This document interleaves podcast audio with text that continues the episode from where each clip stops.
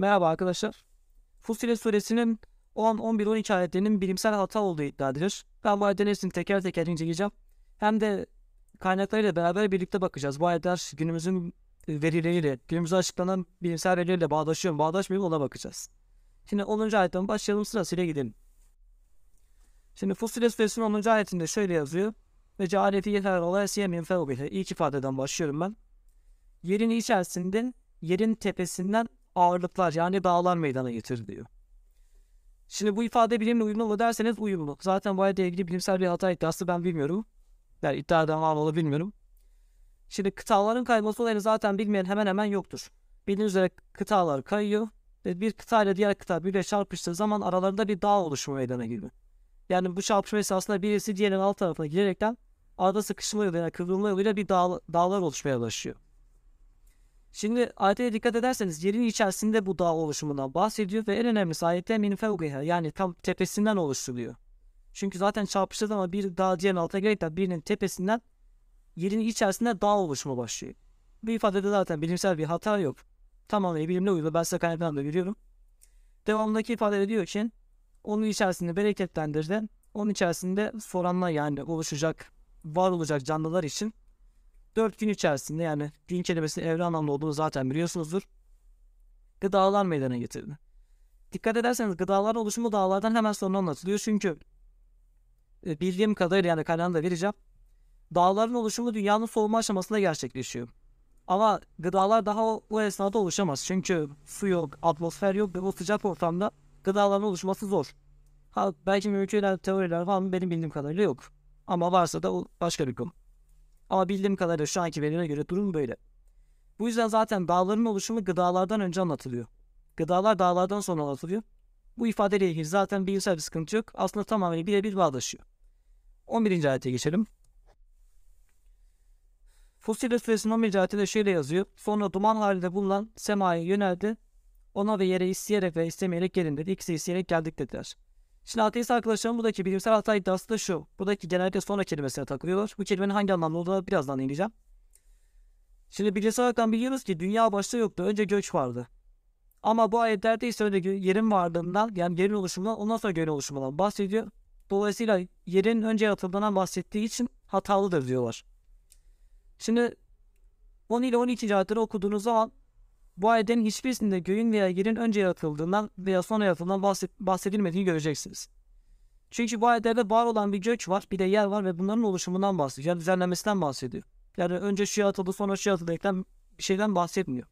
İşte bazı mealler 12. ayetteki kada fiiline e, yarattı manası verince diyorlar ki ha demek ki dünya var ondan sonra göğü yarattı.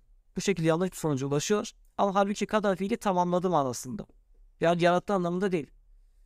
Buradaki yanlış ver sebebiyle bazıları bilimsel bir hata olduğunu iddia etmiş. Peki bu ayetler bilimle uyumlu mu derseniz yani 11. ayette anlattığı olay teorilerle yeni, yeni verilerle bağdaşıyor mu derseniz bağdaşıyor. Ben Doktor Melik Kara'nın e, Yer Küre Atmosferin Oluşumu isimli bir yazısı var. Bu yazısını alıntı yaptım size kaynağını veriyorum. Orada e, atmosferin oluşumundan bahsediyor. Önce şöyle bir ön bilgi vereyim arkadaşlar.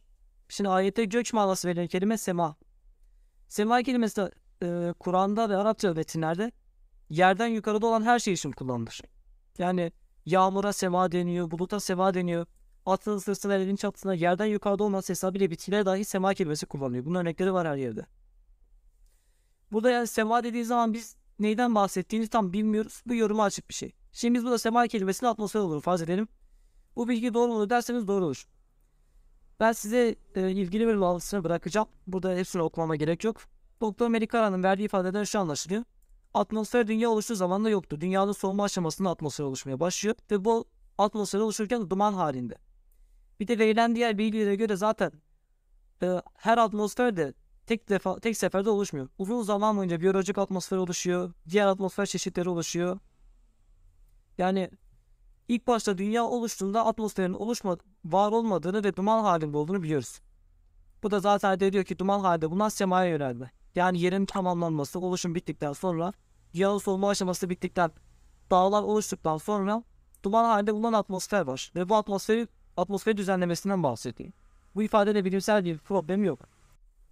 E peki derseniz ki ayette 7 semadan bahsediyor. Peki e, sema sayısı yani gök sayısı 7 mi yoksa 5 mi derseniz bu konuyla ilgili her ikisini söyleyen kaynak da var. Kimisi 5 diyor, kimisi ara katmanlarla beraber 7 diyor.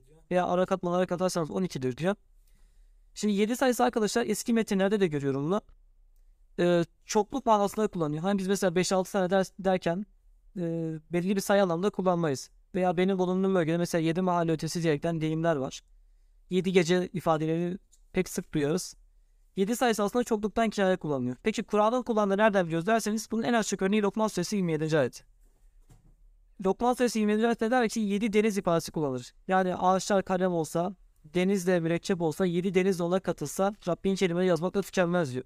Yani yoksa 7 deniz yetmez ama 8 deniz olursa yeter anlamda değil.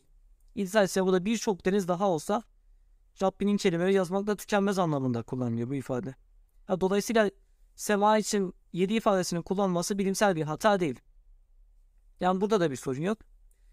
E, 12. ayetin diğer ifadeye geçersek yani 7 sema olaraktan tamamladığı ifadesi geçiyor. Melik Kara'nın bahsettiği kadarıyla dediğim gibi atmosfer zaten ilk başta bir anda pat diyerekten tek seferde oluşmuyor. Çağ devirler boyunca çok uzun zaman boyunca yeni yeni farklı farklı atmosferler oluşuyor. Bu ayette de yani zamanla tamamlandığından bahsettiği için herhangi bir problem yok. Ayetin zaten geriye kalan ifadeleri işte sonra her bir göğe kendi işini vahyetti. En yakın semayı yıldızlarla süslü gösterdiği gibi ifadeler var. Ben bu ifadeleri bu videoda değinmeyeceğim. Ben bu konuyla ilgili zaten Mülk Suresi 5. ayetle ilgili bir video yapmıştım. Mülk Suresi 5. ayetle ilgili ifadelerle Fussilet Suresi 12. ayette anlatan ifadeler aynı olduğu için o videomu izleyerekten bu soruna cevabını bulabilirsiniz. Yani dolayısıyla Fussilet Suresi'nin 10 ile 12. ayet arasında bir bilimsel hata olmadığını görmüş olduk. İzlediğiniz için teşekkür ederim.